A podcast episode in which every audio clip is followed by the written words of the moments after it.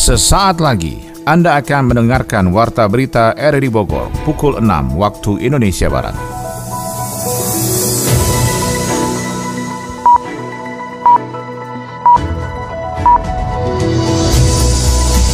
Selamat pagi dan salam jumpa. Kembali kami hadir dalam Warta Berita edisi hari ini, Sabtu 27 Mei 2023. Siaran kami bisa Anda dengarkan lewat audio streaming di RRD Play dan bisa Anda dengarkan juga di audio on demand di Spotify, Anchor, Portal, dan Google Podcast.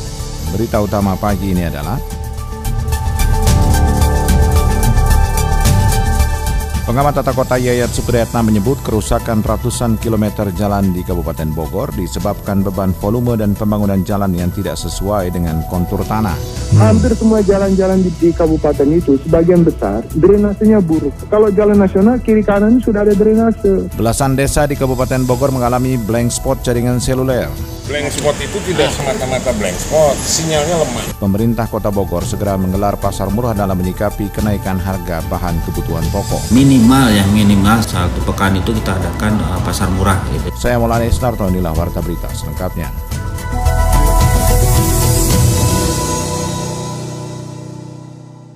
Polres Bogor kembali melakukan pembatasan kendaraan melalui skema ganjil genap di jalur puncak Bogor, Jawa Barat. Peraturan itu berlaku pada akhir pekan, Jumat siang hingga hari Minggu besok. Skema ganjil genap pada hari Jumat berlaku mulai pukul 14 waktu Indonesia Barat hingga pukul 00 waktu Indonesia Barat. Sedangkan pada hari Sabtu dan Minggu, jam operasional ganjil genap dilakukan mulai pukul 7 hingga pukul 24 waktu Indonesia Barat. Melihat aturan Permen Hub nomor 84 2021, area pembatasan lalu lintas dengan ganjil genap meliputi arah Simpang Gadok Jalan Raya Puncak sampai dengan Simpang 4 Tugu Lampu Gentur Kabupaten Cianjur dan sebaliknya. Kendaraan yang hendak melintasi puncak Bogor diharapkan menyelaraskan plat nomor ganjil atau genap pada tanggal di kalender. Penentuan ganjil genap dimerujuk pada angka terakhir nomor polisi kendaraan. Adanya peningkatan volume kendaraan yang tinggi khususnya dari Jakarta menjadi alasan utama diberlakukannya aturan itu. Sepanjang 340 km jalan di Kabupaten Bogor mengalami kerusakan ringan hingga berat. Pengamat tata kota Yayat Supriyatna menyebut salah satu penyebab jalan rusak karena beban volume yang terlampau tinggi. Selain itu pembangunan jalan yang tidak sesuai dengan kontur tanah. Berikut wawancara selengkapnya bersama pengamat tata kota Yayat Supriyatna. Baik, saya bersama dengan pengamat tata kota dan juga pengamat transportasi Pak Yayat Supriyatna sudah bersama saya di line telepon. Apa yang terjadi menurut Anda banyak jalan rusak sekitar 340 km di wilayah Kabupaten Bogor? Pertama begini, di sekitar Bogor itu seperti Tangerang, Tangerang Selatan, Jakarta, atau di kawasan Bogor juga, itu banyak pembangunan jaringan jalan tol. Dia memerlukan pengurukan. Bahkan ada pengembang besar di wilayah Tangerang maupun di kabupaten yang membutuhkan sirtunya lah, perlu material. Nah, yang menjadi masalah sekarang ini banyak jalan-jalan yang terus terang saja cepat rusak karena tonase volume kendaraan itu terlalu berat. Nah pertanyaannya kan kemarin tuh waktu zamannya Bu Ade Yasin pernah itu di Bogor Barat tuh kan dari wilayah Ciampea, Lewiliang sampai Darmaga itu ada persoalan tentang truk-truk yang mengangkut material untuk pembangunan perumahan skala besar yang ada. Itu sampai di demo, bahkan di Rumpin juga demikian. Mm-hmm. Pertanyaannya, sejauh mana efektivitas pengaturan jam operasional dari kendaraan itu bisa ditegakkan?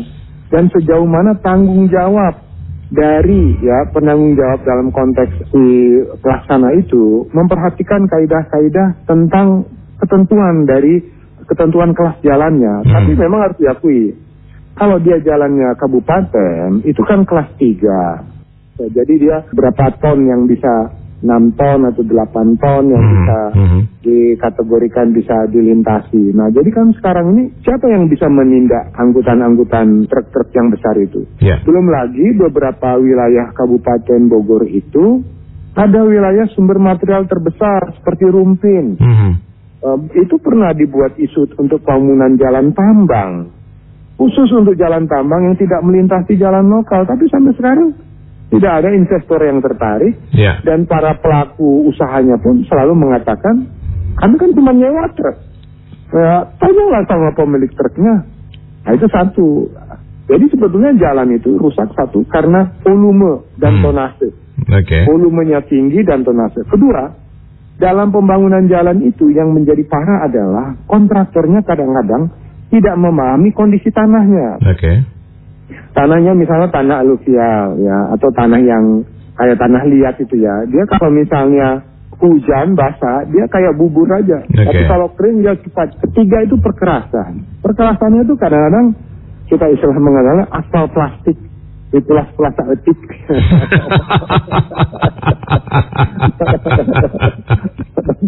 Iya iya iya iya Asal betul. plastik, asal plastik. Pokoknya kalau di Lampung kemarin tuh waktu Pak Jokowi datang terus Hmm. langsung di jalannya bagus, pasti dalam dua hari hancur. Karena strukturnya itu tak perkerasannya tidak perhatikan dan sebagainya. Terus yang juga penyebab dari eh, kerusakan jalan itu adalah musuh jalan itu air. Hmm. Hampir semua jalan-jalan di, di kabupaten itu sebagian besar drainasenya buruk. Kalau jalan nasional kiri kanan sudah ada drainase. Tapi kalau misalnya di jalan itu tidak ada drainasenya, begitu hujan, air menggenang, itu struktur jalan apalagi kalau dia bukan jalannya aspal ya, itu mudah hancur, Mhm.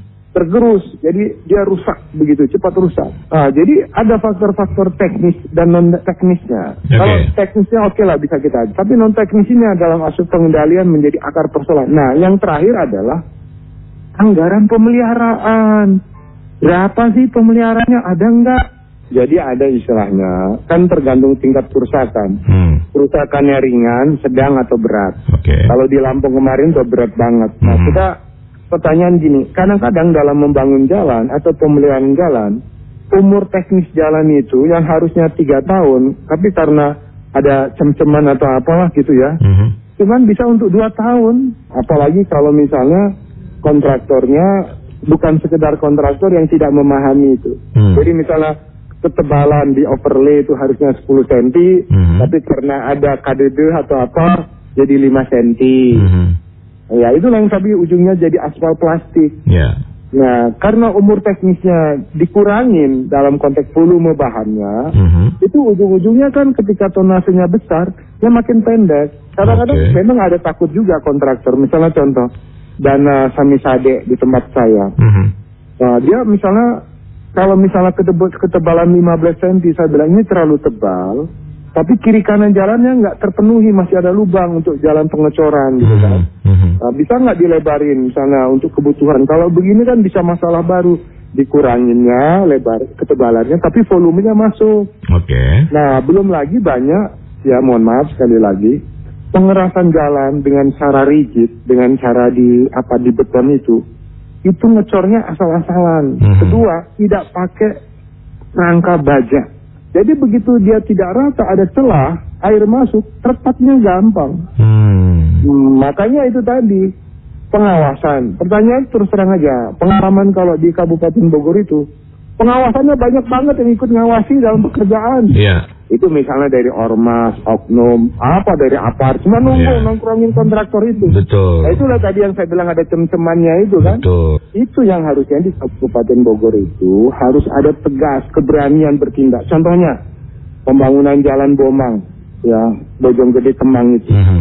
itu di tengah itu ya, ketika kiri kanannya jalan itu diratain, kan ada volume tanahnya itu ya. Itu tanahnya tuh diambil di depan mata Hmm. oleh ormas, oleh orang per orang.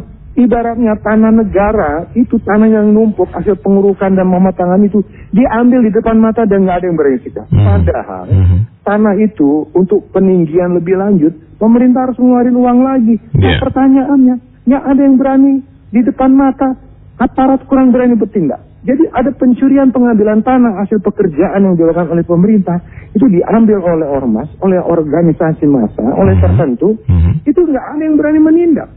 Nah itu kan menunjukkan bahwa betapa kurang ada nyali untuk melakukan tindakan. Hmm. Nah, jadi kalau misalnya kapasitas organisasi pelaksananya tidak berani bertindak, orang mengatakan ya siapa yang bisa lawan. Satu hal lagi yang memang agak sedikit bermasalah, sebagian tanah karena wilayah kita perbukitan, Hmm. seperti contoh lah Mhm. ke objek-objek wisata sekitar Babakan Madang, ke Ya, arah Sentul, itu ke bergerak tuh. situ-situ. Oh, itu hancur karena apa? Tanahnya labil, mudah longsor, tanah bergerak. Nah itu tadi pembangunan jalan pada umumnya mengikuti riwayat jalan desa. Ah, ketika akan ditingkatkan jalannya, ada nggak kajian yang bisa membantu untuk mengakhiri risiko kerusakan jalan akibat kebencanaan? Mhm. Nah, jadi ibaratnya kalau tidak ada risiko itu sama aja dengan buang garam ke laut. Kerusakan jalan itu akan mempengaruhi tingkat inflasi. Hmm. Makin tinggi inflasi, makin tinggi kemiskinannya. Iya, betul, betul. Makanya wilayah-wilayah di Kabupaten Bogor kan banyak wilayah-wilayah kantong-kantong miskin, desa-desa miskin. Pertanyaannya strategi pengatasi pengentasan kemiskinan itu adalah memperbaiki infrastrukturnya. Berpikirlah bahwa infrastruktur itu adalah salah satu kunci mendorong terjadinya peningkatan PDRB. Oke, baik. Pak Yayat, terima kasih banyak Pak Yayat. Demikian pengamat tata kota dan transportasi Pak Yayat Supriyatna. Mira, kamu lagi lihat apa sih? Kok serius banget? Ini lihat artikel tentang pemilu 2024. Pemilu? Tapi masih tahun depan kok. Emang sepenting itu ya? Ih, gak ngerti amat sih. Walaupun kita pemilih pemula, tetapi harus jadi pemilih yang cerdas. Jadi pemilih cerdas itu gimana sih? Anti golput. Terus sebelum memilih, kita harus cari tahu informasi rekam jejak para kandidat dan aktif mengikuti perkembangan soal pemilu. Gasken! Walau sebagai pemilih pemula, peran kita sama seperti pemilih lainnya. Satu suara bisa menentukan nasib seluruh bangsa Indonesia lima tahun mendatang, Zi. Aku siap jadi pemilih cerdas. Gerakan Cerdas Memilih RRI menuju Pemilih Cerdas. Pertemuan antara warga terdampak dan penanggung jawab proyek pembangunan jembatan Cikaretek, Kecamatan Caringin, Kabupaten Bogor tidak membuahkan kesepakatan. Belum ada angka dan kompensasi apa pun yang diberikan kepada warga terdampak. Informasi ini dilaporkan Yofri Haryadi. Tadi udah udah kita sampaikan juga ya, masalah itu. Cuman dari pihak PUPR menyatakan ya itu yang tadi saya bilang itu ya kembali lagi karena memang sosialisasi ini anggarannya nggak termasuk ke sana gitu. Yang belum ada Jadi mungkin satu minggu ini ada pertemuan.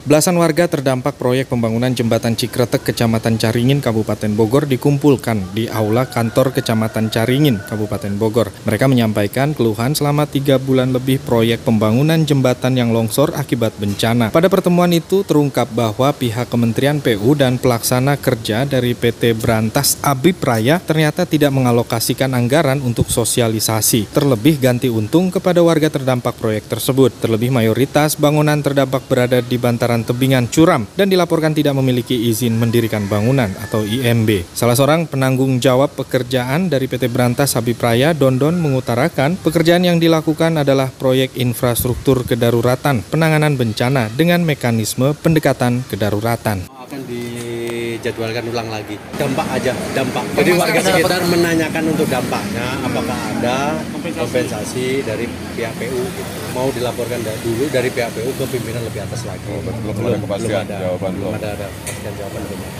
sebenarnya tidak ada anggaran tapi karena ini kan melihat situasional ke depannya kan. Kalau pekerjaan dihentikan itu nggak mungkin. Soalnya kita juga dikejar sama progres.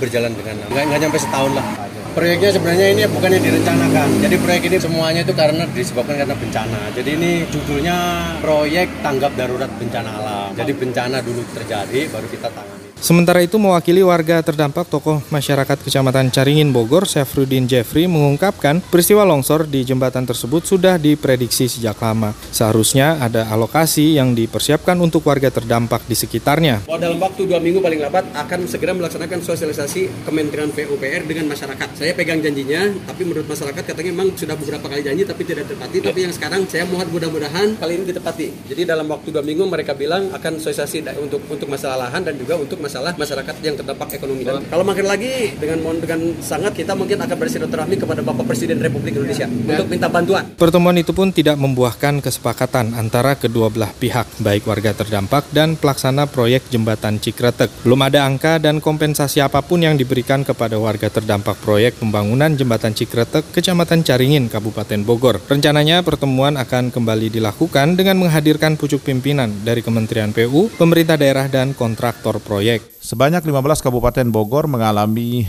blank spot jaringan seluler GSM. Belasan desa yang mengalami blank spot jaringan seluler itu berada di Kecamatan Sukamakmur, Sukajaya, Jasinga, Nanggung, Tanjung Sari, dan Tenjo. Kembali Yofri Haryadi melaporkan. Sebanyak 15 desa dari 316 desa di Kabupaten Bogor mengalami blank spot jaringan seluler GSM. Akibatnya, sinyal komunikasi dan internet di wilayah tersebut buruk dan membutuhkan peningkatan kualitas layanan. Kepala Dinas Komunikasi dan Informatika Diskominfo Kabupaten Bogor Bayu Rahmawanto mengatakan 15 desa yang berada di Kecamatan Sukamakmur, Sukajaya, Jasinga, Nanggung, Tanjung Sari, dan Tenjo. Blank spot atau buruknya jaringan dikarenakan kontur geografis di Kabupaten Bogor yang berbukit dan berada di pegunungan sehingga membatasi kemampuan frekuensi menjangkau pengguna layanannya. Lebih lanjut, Bayu mengatakan base transceiver station BTS ada yang area pelayanannya mati dan tidak diperpanjang, terutama di wilayah padat penduduk perkotaan. Blank spot itu tidak semata-mata blank spot, sinyalnya lemah. Kalau di daerah-daerah Jakarta, Surabaya mah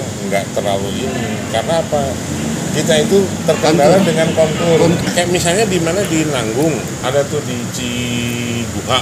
Itu posisi di belakang Antam daerah punggung tebingan sih sementara di desa Bantar Karetnya sendiri ada tower 4 biji apa ya? Yang 15 itu kita lihat desa yang belum belum ada BTS yang dari swasta. Iya benar bersama itu benar dipakai oleh beberapa operator. Ya paling diperpanjang Diskominfo Kabupaten Bogor bukan penyedia layanan dalam perizinan BTS akan tetapi memiliki sel area untuk memberi masukan bagi pengusaha penyedia seluler untuk mendirikan BTS baru yang dipergunakan bersama dengan provider seluler lainnya, sehingga tidak ada lagi titik blank spot seluler yang menghambat program digitalisasi desa di Kabupaten Bogor. Misalnya nih di sini nih di huruf K udah ada tower. Itu tidak mungkin lagi ada tower lagi. Iya, kecuali yang K ini towernya udah penuh pak, penuh Itu oleh bisa.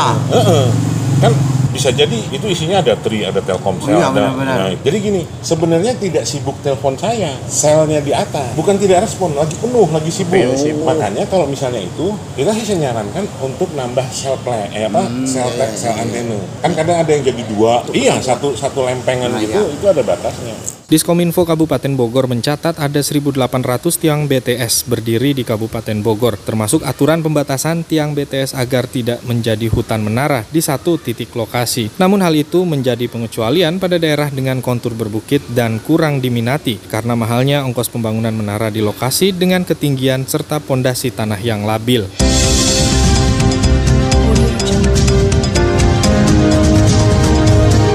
Anda tengah mendengarkan Warta Berita RRI Bogor. Pemerintah Kabupaten Bogor khawatir kenaikan harga telur memiliki dampak sosial, terutama pelaku UMKM di sektor makanan yang berbahan dasar telur. Yofri Haryadi melaporkan. Forum Pimpinan Kecamatan Ciawi Kabupaten Bogor melakukan sidak pasar mengamati secara langsung harga telur ayam negeri yang merangkak naik. Dalam sidak pasar di Ciawi Bogor, Kapolsek Ciawi Kompol Agus Hidayat dan camat setempat Sutisna membuka komunikasi dengan salah seorang pemilik kios telur di Pasar Ciawi Kabupaten Bogor. Dari penuturan Ade, sang pemilik kios mengungkapkan kenaikan harga telur ayam mulai merangkak pasca Idul Fitri lalu. Bahkan di saat bulan Ramadan, harga telur ayam negeri berada di angka Rp27.000 per kilogramnya. Dan saat pembagian bantuan sosial pangan non-tunai, harga telur ayam negeri sudah di angka Rp30.000 dan kini sudah dua pekan berada di harga Rp32.000 per kilogramnya. Biasa kalau pedagang 60 ikat, karena cuma 30, 40. Ambil dari mana? Dari Depok. Depok gudangnya, tapi kalau sumbernya mau langsung dari Berarti Blitar. Pas lebaran ini, lebaran ini? langsung, kalau nggak langsung sekaligus 32, Iya, 28, maksudnya. 29, 30, 31, 32. Per minggu, 32. Nah ini bertahan nih. Kalau ini udah semingguan. Naiknya harga telur itu pun ternyata mempengaruhi penjualan telur ayam di kios milik Ade di Pasar Ciawi Bogor. Konsumen, terutama pedagang makanan dan pemilik rumah makan, mengurangi jatah belanja telurnya di kios miliknya itu. Pada kesempatan itu pun Camat Ciawi Sutisna mengungkapkan naiknya harga telur memiliki dampak sosial, terutama pelaku UMKM di sektor makanan yang berbahan dasar telur. Jika dibiarkan, maka dikhawatirkan para pelaku usaha kecil merugi dan menimbulkan masalah sosial baru. terus-terusan begini kan nanti akhirnya jadi kelangkaan telur sudah jadi ada kelangkaan telur banyak usaha-usaha. Yang home industry yang menggunakan telur. Itu dia. Nah, akan menjadi sulit Setelah libur aja deh gitu kue seperti model mereka membuat kue Ya, membuat itu roti? Ya. nah, adonannya menggunakan telur dengan makin lama makin tinggi. Sedangkan harga harga kue kan dia mereka tidak bisa Ya, naikkan. Belum ada rencana dari pemerintah daerah terkait mahalnya harga telur ayam negeri. Namun dari hasil operasi dan sidak pasar tersebut nantinya akan menjadi kajian pemerintah mengambil langkah agar harga telur ayam negeri kembali normal. Salah satunya dengan operasi sembako. Pemerintah Kota Bogor segera menggelar pasar murah dalam menyikapi kenaikan harga kebutuhan pokok. Adi Fajar Nugraha melaporkan. Dinas Koperasi UKM Perdagangan dan Perindustrian Kota Bogor akan menggelar pasar murah dalam menyikapi kenaikan harga bahan pokok. Kebijakan untuk menjamin ketersediaan pasokan dan stabilitas harga bahan pangan bagi seluruh masyarakat menjadi prioritas Pemkot Bogor di tengah kenaikan harga, utamanya komoditas daging ayam dan telur. Kepala Bidang Perdagangan Dalam Negeri, Perlindungan Konsumen dan Tertib Niaga, Dinas KUKM Daging Kota Bogor Muhammad Dede Soleh menjelaskan, program pasar murah menjadi intervensi Pemkot Bogor untuk menjaga daya beli masyarakat serta menstabilkan harga kebutuhan pangan. Selain itu, pasar murah juga merupakan upaya pemerintah dalam mengendalikan angka inflasi. Pasar murah ini bagian dari intervensi pemerintah Kota Bogor ya terkait emang salah satu kebutuhan masyarakat Kota Bogor yang memang memerlukan masih memerlukan harga murah dan pasar murah ini salah satu yang memang digiatkan oleh pemerintah pusat program untuk pengendalian inflasi itu sendiri ya dan kami inisiatif dari dinas ya dinas yang membidangi perdagangan untuk menyelenggarakan Dede menyebut pasar murah akan dimulai pada minggu pertama di bulan Juni 2023. Nantinya Dinas KUKM Dagin bekerjasama dengan supplier bahan pangan menggelar pasar murah di enam kecamatan sesuai dengan lokasi dan jadwal yang telah ditentukan oleh masing-masing aparat kewilayahan. Kita minta ke kecamatan-kecamatan itu menentukan titik lokasinya berdasarkan aspirasi dari kecamatan itu sendiri. Dan kita juga minta dari pihak kecamatan untuk menetapkan tanggalnya itu sendiri mereka siapnya tanggal berapa dan kita menyerahkan ke sebetulnya ke kecamatan tersebar di enam kecamatan pastinya. Nah kita agendakan memang per minggu satu pekan sekali kita minimal ya minimal satu pekan itu kita adakan uh, pasar murah gitu ya di hari Kamis bulan Juli awal ini kita mulai di Bogor Timur untuk pasar murah. Sementara itu Janu Larasteo, pengelola GS The Fresh yang merupakan partner supplier bahan pangan di pasar murah mengaku akan berkolaborasi dengan Pemkot Bogor dalam menyediakan beragam kebutuhan pangan seperti sembako, daging ayam, telur ataupun sayuran. Yang mengungkapkan bahwa harga bahan kebutuhan pokok yang ditawarkan untuk masyarakat berada di bawah harga pasaran. Untuk saat ini kan kebutuhan pokok itu lagi pada naik ya, apalagi komoditi-komoditi seperti beras, sekarang tuh telur dan ayam ya. Kalau kita pribadi sih, apalagi dinas juga belum bisa bisa menurunkan harga, tapi kita bisa membantu masyarakat meringankan gitu. Jadi kita membawa produk kita jual dengan harga di bawah pasaran. Tapi harga di bawah pasaran ini nggak kita jual di tempat kita gitu, hanya di tempat pasar murah aja. Itu yang kita bawa itu tuh pasti kebutuhan pokoknya itu tuh beras, minyak, gula, telur, ayam, daging juga kita bawa. Untuk pendukung lainnya biasanya tuh ibu-ibu tuh membutuhkan seperti sabun-sabunan kayak gitu itu kita bawa juga. Yang pastinya kita bawa juga dengan di bawah harga pasaran. Seperti diketahui diketahui bahwa komoditas telur di Bogor akhir-akhir ini tengah mengalami kenaikan harga mencapai Rp32.000 per kilogram dari harga normalnya di kisaran Rp26.000 per kilogram. Bahkan komoditas daging ayam juga mengalami kenaikan hingga Rp40.000. Pemkot Bogor melalui Tim Pengendali Inflasi Daerah atau TPID akan terus memantau harga bahan pangan untuk mengambil upaya untuk mengambil upaya sedini mungkin dalam mengendalikan inflasi dan tetap menjaga daya beli masyarakat. Dari dunia ekonomi, Satgas Pangan Polri membeberkan penyebab harga bawang putih melonjak hingga Rp36.000 per kilogram. Ekonomi Jerman mengalami resesi pada kuartal pertama 2023. Informasi selengkapnya bersama Adi Fajar Nugraha. Satgas Pangan Polri membeberkan penyebab harga bawang putih melonjak hingga Rp36.170 per kilogram. Wakil Kepala Satgas Pangan Helvi Asegaf mengatakan salah satu penyebabnya adalah kenaikan harga bahan bakar minyak atau BBM yang membuat biaya transportasi pengusaha bawang putih naik. Bukan hanya transportasi darat, Helvi mengatakan transportasi laut juga terganggu lantaran adanya gangguan cuaca yang bisa menghambat distribusi bawang putih. Penyebab lainnya yaitu hukum supply demand atau penawaran dan permintaan. Artinya ketika supply kurang maka harga cenderung meningkat lantaran permintaan yang tinggi. Di sisi lain Satgas Pangan juga menduga adanya praktek penimbunan bawang putih yang terjadi saat proses distribusi. Hal ini kemudian membuat bawang putih langka dan harganya naik. Maka dari itu Helvi berharap seluruh pihak bekerja sama untuk menurunkan harga bawang putih apalagi Indonesia mengimpor bawang putih dalam jumlah yang tak sedikit. Ekonomi Jerman mengalami resesi pada kuartal 1 2023. Hal ini terjadi karena konsumsi rumah tangga yang tertekan akibat inflasi yang tinggi. Disebutkan pertumbuhan ekonomi Jerman menyusut 0,3 persen pada kuartal 1 di tahun ini. Pada kuartal 4 2022, PDB Jerman minus 0,5 persen. Resesi ini terjadi jika perekonomian mengalami kontraksi dalam dua kuartal berturut-turut. Menteri Keuangan Jerman Christian Lindner mengungkapkan ada sinyal negatif untuk PDB Jerman. Ia menambahkan jika Jerman masih akan mengalami tekanan. Analis DK Andreas mengungkapkan tekanan inflasi yang tinggi sangat mempengaruhi perekonomian Jerman. Dari data Biro Statistik Jerman disebutkan konsumsi rumah tangga mengalami penurunan hingga 1,2 persen secara kuartalan. Belanja pemerintah juga menurun hingga 4,9 persen secara kuartalan. Analis Karsten, analis Karsten Breski mengungkapkan rebound aktivitas industri yang didorong oleh mulai dibukanya kegiatan di Cina hingga melonggarnya rantai pasok tidak membantu Jerman keluar dari jurang resesi. Padahal investasi di Jerman juga mengalami kenaikan setelah paruh kedua tahun 2022 melemah, seperti investasi pada mesin dan peralatan mengalami pertumbuhan sebesar 3,2 persen dibandingkan kuartal sebelumnya. Kemudian investasi dan konstruksi naik 3,9 persen pada kuartal 1.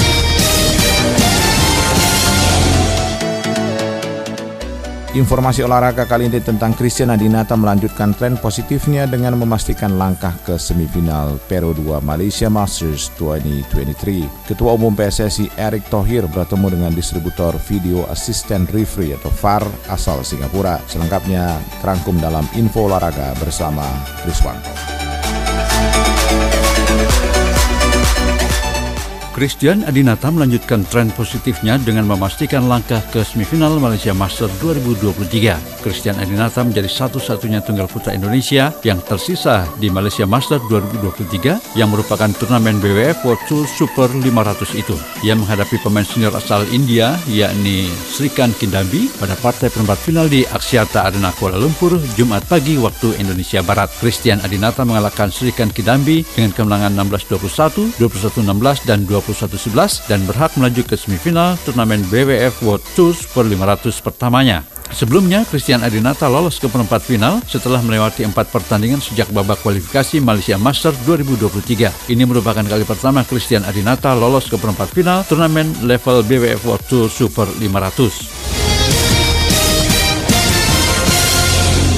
Ketua Umum PSSI Erick Thohir bertemu dengan distributor VAR atau Video Assistant Referee asal Singapura guna membahas teknis penerapannya. Pertemuan tersebut diunggah melalui Instagram pribadi Erick Thohir pada Kamis malam waktu Indonesia Barat. Dalam video yang diunggah Erick Thohir itu, distributor VAR mengatakan bahwa Singapura dan Thailand telah menggunakan teknologi tersebut. Penerapan VAR di Singapura dan Thailand dinilai berhasil mengawal pertandingan dengan membantu membuat keputusan dalam hal gol, offside, hingga memeriksa pelanggaran. Erick Thohir lantas mengungkapkan bahwa koneksi internet, nirkabel atau Wi-Fi menjadi salah satu penunjang kinerja VAR. Pihak distributor pun mengakui bahwa seluruh stadion harus memiliki Wi-Fi agar VAR bisa bekerja maksimal. Erick Thohir dan jajarannya di PSSI memang tengah berupaya menggunakan VAR untuk kompetisi Liga 1 musim depan. Pekan lalu, Erick Thohir mengungkapkan bahwa VAR akan diterapkan pada pertengahan musim sebab harus ada pelatihan perihal penggunaan teknologi tersebut. Adapun kompetisi Liga 1 musim depan akan dimulai pada 1 Juli 2023 mendatang.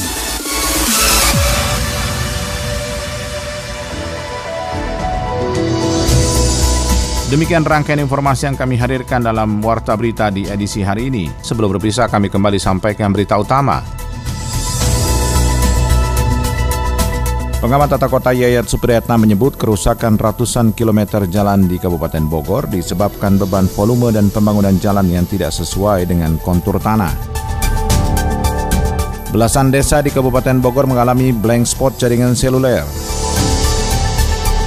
pemerintah Kota Bogor segera menggelar pasar murah dalam menyikapi kenaikan harga bahan kebutuhan pokok. Mewakili kerabat kerja bertugas, saya Maulana Estarto mengucapkan terima kasih. Selamat pagi.